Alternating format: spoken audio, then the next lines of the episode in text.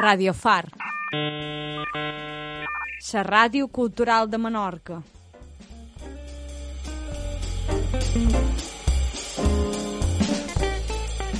Càpsules d'art per Carles Jiménez.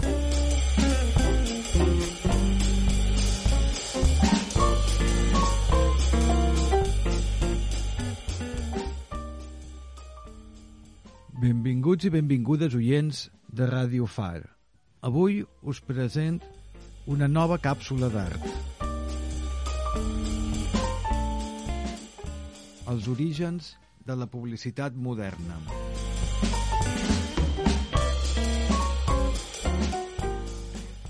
Un dels àmbits de l'activitat humana en què l'art ha exercit una influència notable és, sens dubte, el de la publicitat.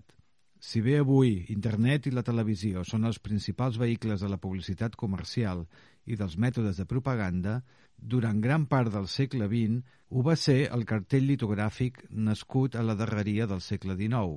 El cartell litogràfic és, de fet, una litografia realitzada amb fins publicitaris. Va ser al voltant de 1796 quan Alois Sennefelder, un inventor alemany que nasqué el 1771 i morí el 1834, va inventar la tècnica litogràfica amb l'objectiu d'imprimir guions teatrals que ell mateix escrivia, i per no dependre d'un mestre gravador com havia succeït fins llavors.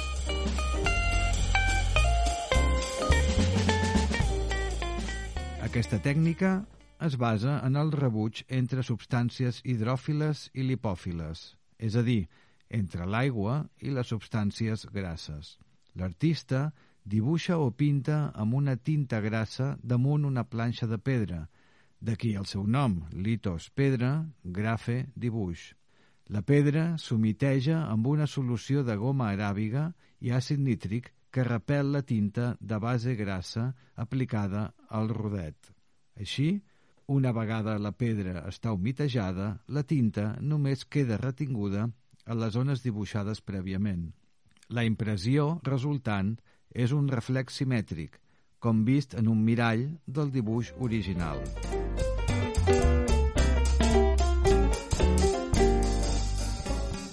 Ben aviat, Francisco de Goya, Theodore Jericó i Eugène Delacroix van descobrir les virtuts d'aquesta tècnica, en la qual Honoré Daumier, cap al 1830, va assolir una mestria absoluta com a instrument de denúncia del poder i de la hipocresia social i política. Després, han estat molts els artistes que l'han utilitzada, tant en el segle XIX, en el XX i en l'actualitat, ja que és expressivament molt eficaç. Des de la seva invenció, els artistes signen i numeren no només les litografies, sinó també els gravats. Això ha permès fer l'art accessible a un públic molt més ampli.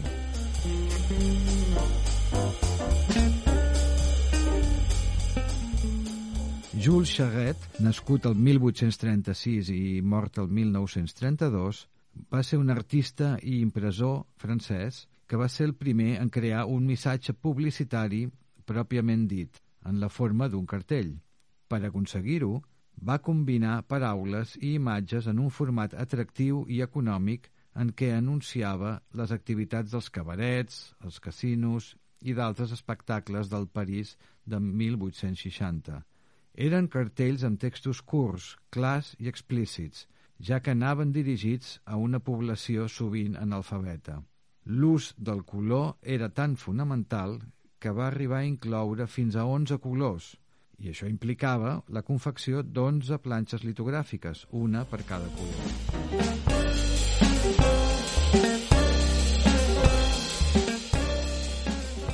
Des de Xeret, la publicitat s'ha centrat més en la forma que en la informació. Amb ell, també s'introdueix la sexualitat d'uns personatges sovint provocatius i alliberats, recurs del qual sovint avui se n'abusa. Però si algú és universalment conegut pels seus cartells litogràfics, és, sens dubte, Toulouse-Lautrec, nascut el 1864 i mort el 1901. Avui dia, els seus cartells de les dives de la nit parisenca, com Jean Abril o Yvette Gilbert, es venen per desenes de milers d'euros. Lautrec va saber innovar la tècnica litogràfica amb nous efectes com l'esquitxat i l'estergit, que és pintura aplicada en plantilla, que afegits a un enfoc fotogràfic de l'escena i el retrat psicològic dels seus personatges fan dels seus cartells un document gràfic de primer ordre.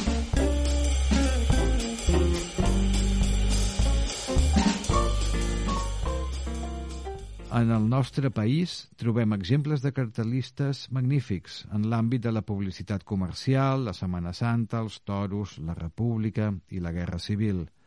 Alguns dels més destacats van ser Lorenzo Goñi, Marcelino de Unceta, Josep Morell, Rafael de Penagos o Josep Renau. Ramon Casas i els seus cartells per a Anís del Mono formen ja part de la nostra cultura visual i també de la dels joves cibernètics, que veuen d'aquestes mateixes fonts.